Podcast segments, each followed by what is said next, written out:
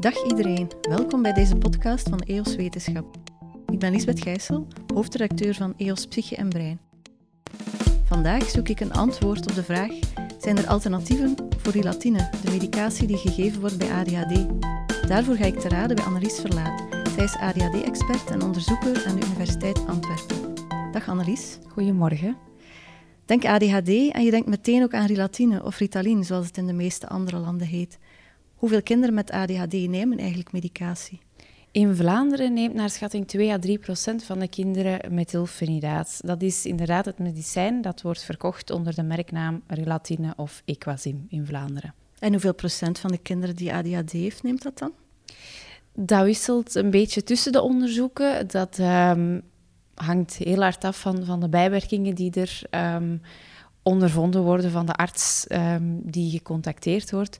Maar dat zal toch uh, de helft tot drie vierde van alle patiënten zijn. En werkt dat ook voor uh, alle kinderen? Um, het vermindert de ADHD-symptomen in ieder geval bij zo'n 7 op 10 ADHD-patiënten. Um, maar het werkt dus niet bij iedereen. En uh, ongeveer 30% van de kinderen heeft er dus geen baat bij. Um, bovendien moeten we wel opmerken dat het niet alle symptomen van ADHD vermindert. En sommige kinderen hebben het psychologisch ook heel moeilijk um, met het nemen van elke dag één of twee pilletjes uh, van die medicatie. Um, en bovendien ervaart één op drie patiënten ook nog eens bijwerkingen van deze medicatie. Dus het werkt wel, maar er zijn toch enkele bemerkingen. Ja, en, en welke zijn zo de voornaamste bijwerkingen dan? Voornaamste um, is verminderde eetlust. Dat zien we heel vaak voorkomen. Maar ook slaapproblemen, hoofdpijn, uh, emotionele labiliteit, hartkloppingen, verhoogde bloeddruk. Het is eigenlijk een hele reeks aan uh, bijwerkingen die regelmatig voorkomt. Maar toch wordt het wel veel voorgeschreven. Klopt. Die bijwerkingen zijn dan niet zo ernstig, of, toch wel? Meestal zijn die relatief mild, uh, maar sommige kinderen ervaren er toch genoeg last van om uiteindelijk te stoppen met de medicatie. Ja, die medicatie wordt vaak lang genomen. Uh, weten wij iets over lange termijn gevolgen? Heel weinig. Uh, dat komt omdat de meeste onderzoeken slechts één tot enkele maanden duren. Dus we hebben niet echt gecontroleerde data over lange termijn effecten. Uh, en daar is nogal wat bezorgd over, bezorgdheid over, niet het minst bij de ouders natuurlijk. Um, er zijn bijvoorbeeld wel studies die aangeven dat het lange termijn effecten op hersenfunctie en hersenstructuur zou kunnen hebben. Dus er is, er is meer onderzoek nodig, dat is zeker. Ja, dus het werkt in op de hersenen, maar hoe werkt methylfenidaat dan precies? Uh, methylfenidaat is eigenlijk een stimulerend middel. Uh, dat klinkt heel paradoxaal, want we gaan een hyperactief kind rustig krijgen met een activerend medicijn eigenlijk. Um, maar hersenonderzoek wijst net op een bepaalde onderactivering met bepaalde hersengebieden van die kinderen met ADHD. En het middel gaat dit net stimuleren. Dus die kinderen worden inderdaad rustiger van dit stimulerend medicijn. En dat is letterlijk, of, of het medicijn blokkeert eigenlijk um, de heropname van bepaalde stofjes, bepaalde neurotransmitters, waardoor die makkelijker vrijgegeven worden en meer effect kunnen uitoefenen. Vandaar het stimulerende effect. En die neurotransmitters, die hebben dan effect op aandacht of hyperactiviteit? Of? Ja, ja, klopt. Aandacht, hyperactiviteit, maar ook op uh, emotionele status bijvoorbeeld. En vandaar ook de mogelijke bijwerkingen als emotionele labiliteit of depressieve symptomen zelfs. Um, die neurotransmitters die zijn ook betrokken bij de vorming van de hersenen, bij het leren, bij het um, lange termijn geheugen bijvoorbeeld. En daarom is er net die ongerustheid over de lange termijn effecten. Wat als we gedurende langere perioden ingrijpen op bepaalde levels van neurotransmitters, op bepaalde waarden, gaat dat dan op lange termijn niet die hersenstructuur ook aanpassen voor de rest van het leven? Maar dat weten we niet. Maar zijn er misschien ook effecten als er niet behandeld wordt? Want als je zegt er zijn te weinig neurotransmitters die vrijkomen bij kinderen met ADHD en die neurotransmitters hebben invloed op de hersenontwikkeling, misschien hebben ze wel een betere hersenontwikkeling als ze relatine nemen. Um, zou zeker ook kunnen. Uh, als er niets gedaan wordt, is het vooral um, dat er bijkomende problemen kunnen ontstaan. Um, kinderen hebben vaak faalangst. Um, het gaat natuurlijk vaak ook niet goed op school. en bij ADHD zien we inderdaad een vertraagde maturatie, vertraagde ontwikkeling van de hersenen.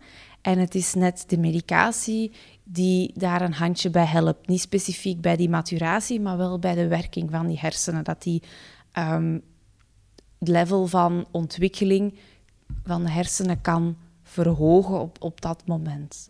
De, werking van de hersenen. Dus 7 op de 10 kinderen hebben wel degelijk baat bij uh, methylfenidaat. Uh, hun hersenen gaan beter werken. Mhm. Maar er zijn dan die bijwerkingen. Maar er zijn dan ook nog eens 3 op de 10 kinderen die er geen baat bij hebben. Jij doet zelf onderzoek naar een alternatief voor relatine. Um, kan je daar iets meer over vertellen? Ja, wij doen aan de Universiteit van Antwerpen uh, onderzoek naar een supplement met boomschorsextract. Um, daar zit natuurlijk een wetenschappelijke basis achter. Kinderen met ADHD hebben bijvoorbeeld, blijkt uit verschillende onderzoeken, vaker allergieën, vaker oorontstekingen, vaker astma.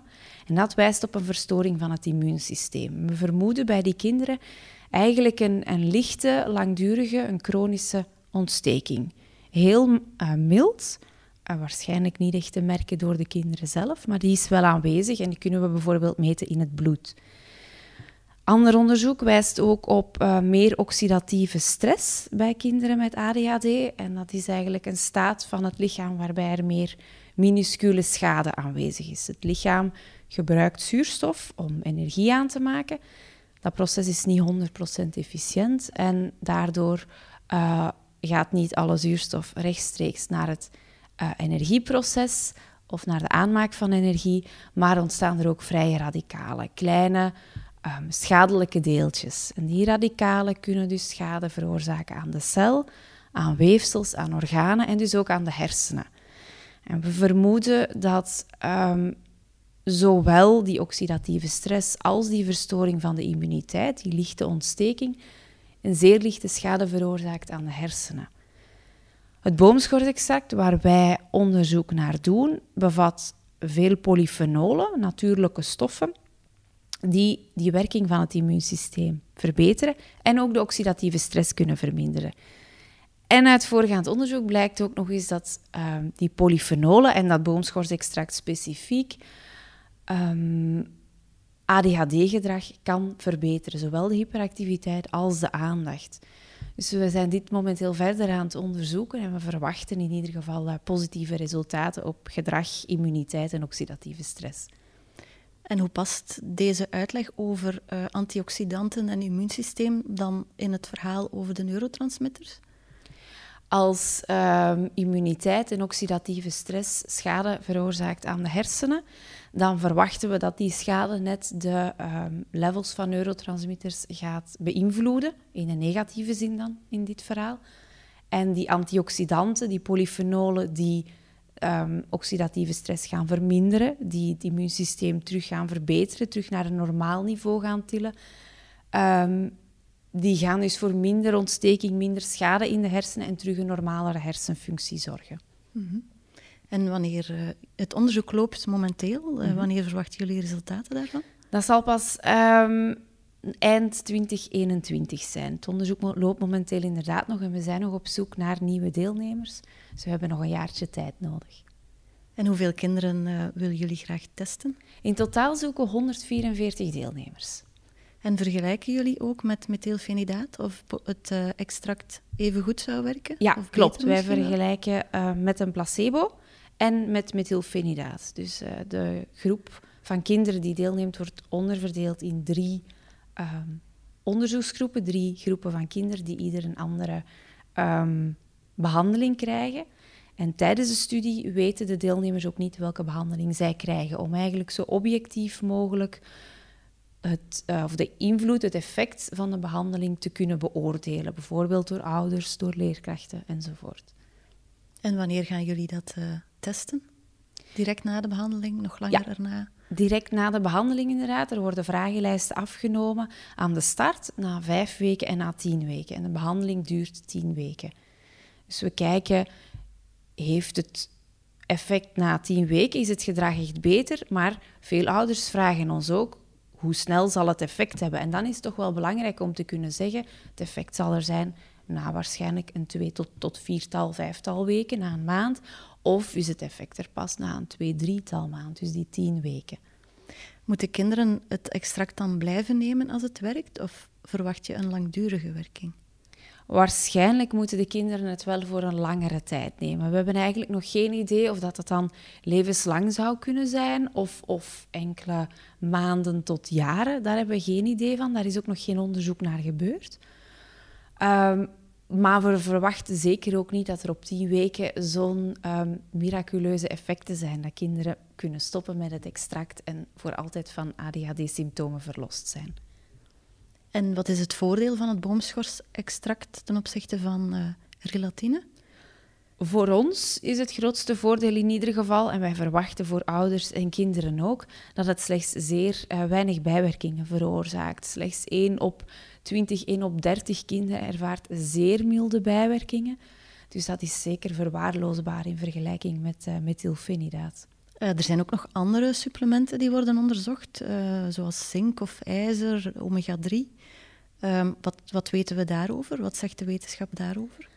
Onderzoek laat heel regelmatig een effect zien van bepaalde voedingssupplementen. Het ehm, probleem is dat de wetenschappelijke basis vaak nog heel klein is. Ofwel zijn er heel weinig onderzoeken naar gebeurd, of um, zijn de onderzoeken heel uiteenlopend qua methode, bijvoorbeeld qua patiënten in de studie, qua dosis die gebruikt is, um, qua metingen die gebeurd zijn, vragenlijsten die gebruikt zijn. Dus het is heel moeilijk vaak om echt sluitend wetenschappelijk uh, bewijs of uh, sluitend wetenschappelijke conclusies te trekken momenteel. Um, bijvoorbeeld omega-3, daar is heel veel onderzoek naar gedaan, maar ook heel uiteenlopend. En als we al die onderzoeken samennemen, zien we wel een effect, maar dat is heel klein.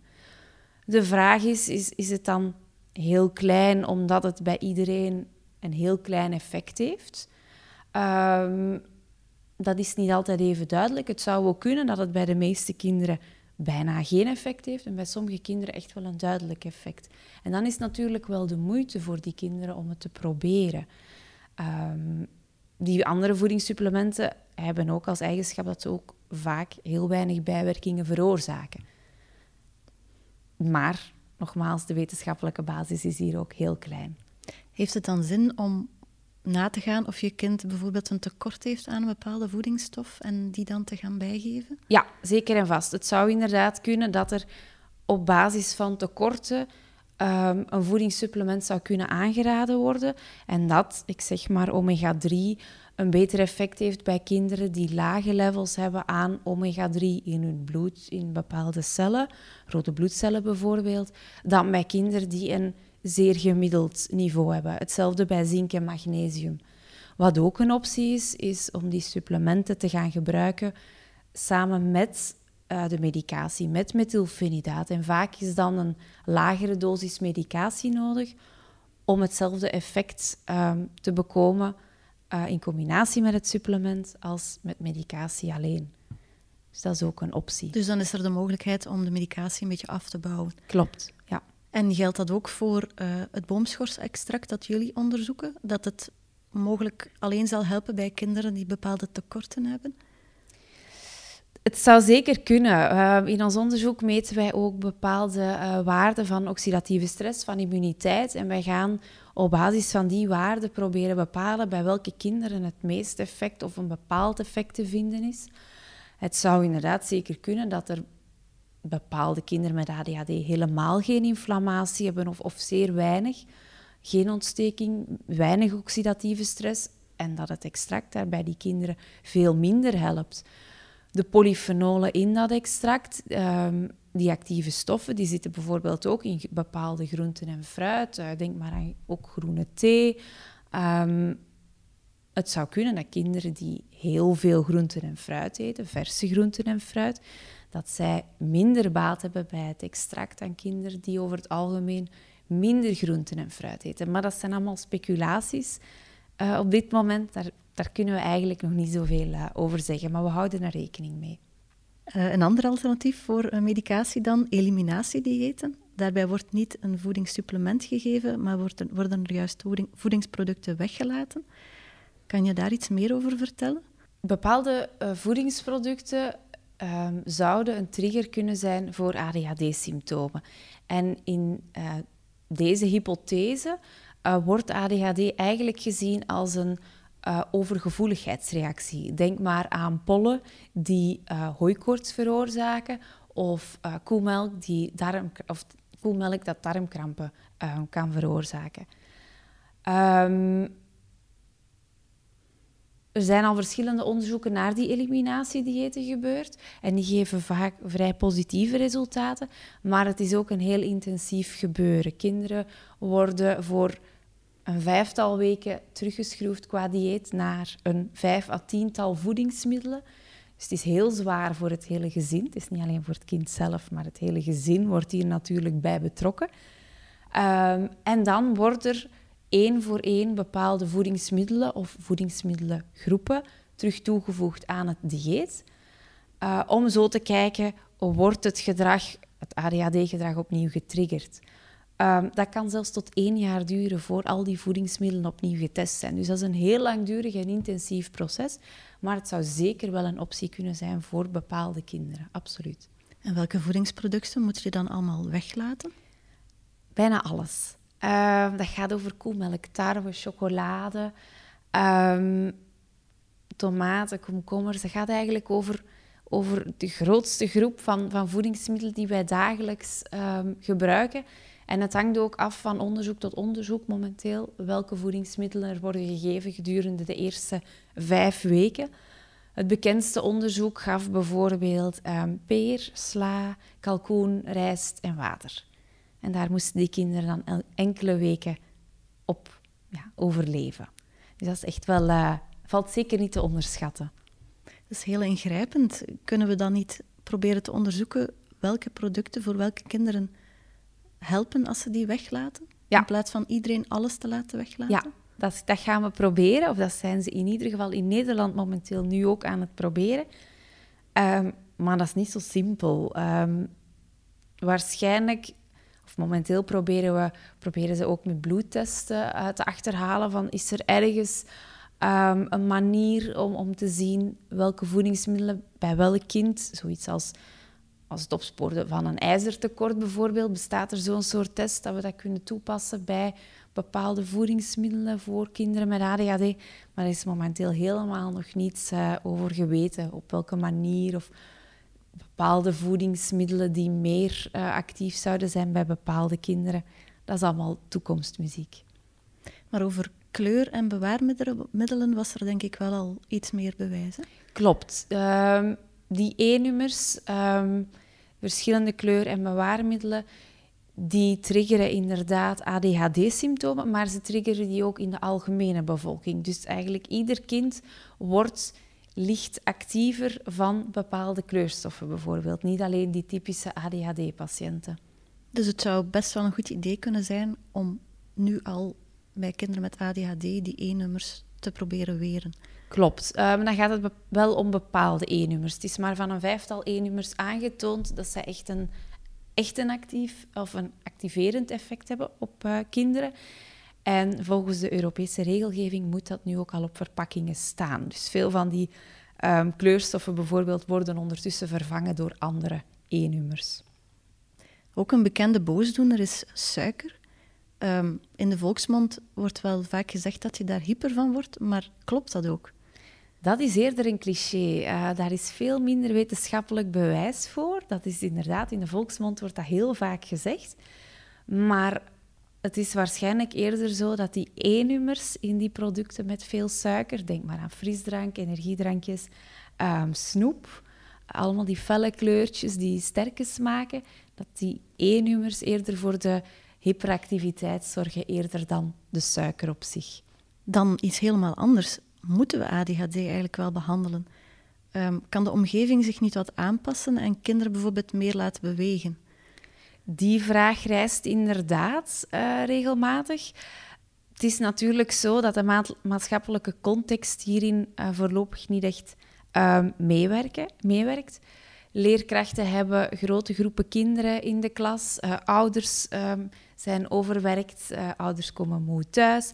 Kinderen moeten dan nog huiswerk maken. Het is niet zo simpel om zomaar te zeggen van laat uw kind dan nog een beetje rondlopen. Of het is gewoon makkelijker om te zeggen even stilzitten voor tv en dan huiswerk en bed in. Maar het is inderdaad wel zo dat bijvoorbeeld een half uur intensief bewegen een zeer positief effect kan hebben. Dus dat zou wel op school kunnen gedaan worden. Wordt soms ook al, um, of wordt in ieder geval geprobeerd om dat toe te passen.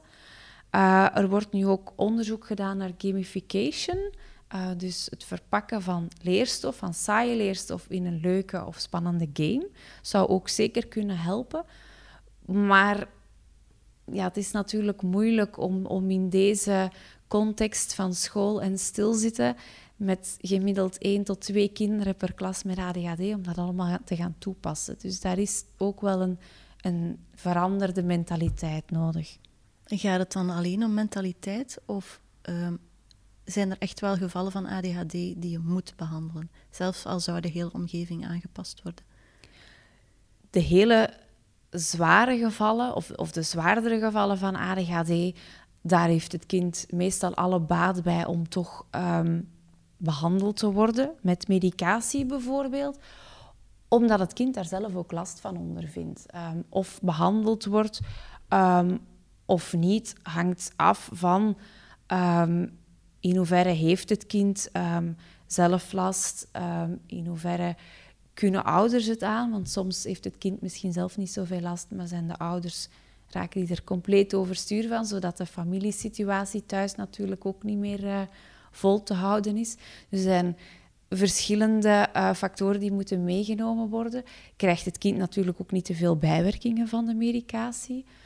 Um, maar zeker de zwaardere gevallen van ADHD is het niet uh, voldoende om het kind gewoon een half uur te laten rondlopen. Die kinderen zijn vaak echt wel gebaat met een extra vorm van uh, behandeling, zoals supplement, medicatie enzovoort. De diagnose van ADHD die bestond vroeger niet en tegen, het lijkt wel of ze tegenwoordig steeds vaker wordt gesteld. Hoe komt dat eigenlijk? Is dat gewoon omdat er meer kennis is nu of zijn er echt wel factoren in de omgeving die ervoor zorgen dat meer kinderen ADHD krijgen? Het lijkt in ieder geval zo dat kinderen vaker de diagnose um, krijgen. En in een stille klas valt een druk kind natuurlijk uh, makkelijk op. Maar de, de prevalentie van ADHD, het voorkomen, is eigenlijk de voorbije jaren niet gestegen. Het is wel natuurlijk zo um, dat de media gewoonweg meer, of de media of algemeen, de, de geneeskunde natuurlijk, de wetenschap, um, meer aandacht heeft voor ADHD dan pakweg 50 jaar geleden. Um, wie toen gewoon een druk kind was, die stopte snel met school en, en ging werken of ging op het veld meehelpen of, of kon zijn energie ergens anders in kwijt. En dat is nu natuurlijk anders. We gaan naar school tot ons achttiende. We moeten kunnen stilzitten, we moeten kunnen leren, dus, dus het valt meer op. Maar ook bijvoorbeeld uit een recente studie blijkt dat uh, het percentage kinderen en jongeren die medicatie nemen in Vlaanderen voor ADHD, dat dat eigenlijk de laatste tien jaar niet gestegen is. Dus die diagnose wordt eigenlijk niet vaker gesteld dan dus pakweg tien jaar geleden. En zijn er dan oorzaken bekend van ADHD? Ja, uh, eh, ADHD is heel heterogeen. Dat betekent er zijn heel veel verschillende oorzaken. Um, oorzaken kunnen genetisch zijn, kan uh, omgevingsfactoren zijn. Er zijn ook verschillende biomarkers, dus metingen in het bloed en urine bijvoorbeeld, die gelinkt worden aan ADHD. Psychologische factoren ook. Um, bijvoorbeeld um, slechte of, of minder goede functionerende gezinnen, adoptie kan een, kan een invloed zijn, uh, vroege traumatische ervaringen, maar ook roken tijdens de zwangerschap, um, bepaalde voedingsproducten, denk dus maar aan die uh, E-nummers. Um, zelfs slaap lijkt gerelateerd aan ADHD. Maar het is zo dat die verschillende oorzaken of een combina verschillende combinatie van factoren lijkt een invloed te hebben bij elke patiënt. Dus het is niet zo dat er één factor echt noodzakelijk is voor het ontstaan van ADHD. Het is altijd een combinatie van factoren en die combinatie verschilt bij verschillende patiënten. Dus het is heel moeilijk vaak om per patiënt ook te gaan zeggen: dit is nu de oorzaak, dat gaan we aanpakken. Traumatische ervaring in de jeugd bijvoorbeeld, of in de vroege kindertijd. Als zoiets geweten is, kunnen we dat wel proberen aanpakken, maar het is heel moeilijk om ehm, per persoon de exacte oorzaak te benoemen. En uh, gaat het dan vooral ook over prenatale factoren? Ja, die zijn zeker ook heel belangrijk. Roken tijdens de zwangerschap. Um, het gebruik van alcohol tijdens de zwangerschap is ook heel bekend. Ook complicaties tijdens de bevalling. Een zuurstoftekort, dat hoeft dan helemaal ook niet dramatisch te zijn. Een heel klein zuurstoftekort kan al een vergroot risico geven op het uh, ontstaan van ADHD. Maar zelfs maand van geboorte blijkt een invloed te hebben op het, uh, op het ontstaan. Dat heeft dan waarschijnlijk te maken met um, infecties van de moeder, bijvoorbeeld uh, griep tijdens de vroege zwangerschap of andere uh, factoren, medicatiegebruik enzovoort. En welke maand is dan het slechtste om geboren te worden? Volgens mij september. In september is er een grote kans, uh, of grotere kans, dat is allemaal heel relatief natuurlijk, want het is niet alleen de maand september, het is dan ook weer de combinatie met heel veel andere factoren die ervoor zal zorgen dat iemand ADHD zou kunnen, of of iemand ADHD ontwikkelt. Um, maar in de maand september zijn volgens mij uh, of de maand september zorgt voor een verhoogd risico. Hoe merk je eigenlijk als ouder dat je kind ADHD heeft en wat is het verschil tussen gewoon een druk kind en een kind met ADHD? Het gaat veel verder dan een beetje druk zijn. Um, volgens de officiële diagnosestelling moet het gedrag bijvoorbeeld aanwezig zijn voor meer dan zes maanden en in meer dan één omgeving. Dus niet alleen thuis, maar bijvoorbeeld ook op school of in de kinderopvang enzovoort. Ehm, en er moeten voldoende symptomen aanwezig zijn. Dus het gaat niet om enkel niet kunnen stilzitten aan tafel. Het gaat ook om heel veel dingen kwijtraken. Het gaat om dingen stuk maken. Het gaat om niet luisteren of niet lijken te luisteren. Um, het antwoord roepen voor de vraag nog maar is gesteld enzovoort. Um, en het gedrag moet, en dat is mogelijk nog uh, de belangrijkste uh, diagnosefactor, echt wel voor beperkingen zorgen. Beperkingen op sociaal gebied, op uh, psychologisch gebied, op, op schoolsgebied. Dus iemand die er eigenlijk geen last van ondervindt, of waarvan de omgeving er geen last van ondervindt, daar is eigenlijk ook geen probleem. Um, dus het gaat echt wel verder dan, dan een kind dat regelmatig zijn of haar beweging nodig heeft. Op welke leeftijd uh, kan je die diagnose het vroegste stellen? Officieel vanaf zes jaar. Dus ouders kunnen best de kleutertijd zeker afwachten? Ja, ja, al zijn er wel indicaties dat kinderen die op die leeftijd al bepaalde symptomen zeer sterk um, vertonen, dat die ook natuurlijk meer kans hebben op de uiteindelijke diagnose van ADHD. Maar de officiële diagnose wordt pas vanaf zes jaar gesteld. Ik denk dat we daarmee kunnen afsluiten. Uh, ik denk dat ik vooral onthoud dat suiker niet de grote boosdoener is, dat we moeten opletten met E-nummers en dat september niet zo'n fantastische geboortemaand is. Heel erg bedankt voor je antwoorden, Annelies, en jullie luisteraars bedankt om te luisteren. Vond je deze podcast interessant? Deel hem dan zeker. Luister ook naar de vorige afleveringen. In elke aflevering beantwoordt een wetenschapper een vraag. Wil je graag op de hoogte blijven van deze podcastreeks? Surf dan naar www.eoswetenschap.eu en schrijf je in op onze nieuwsbrief. Tot een volgende aflevering.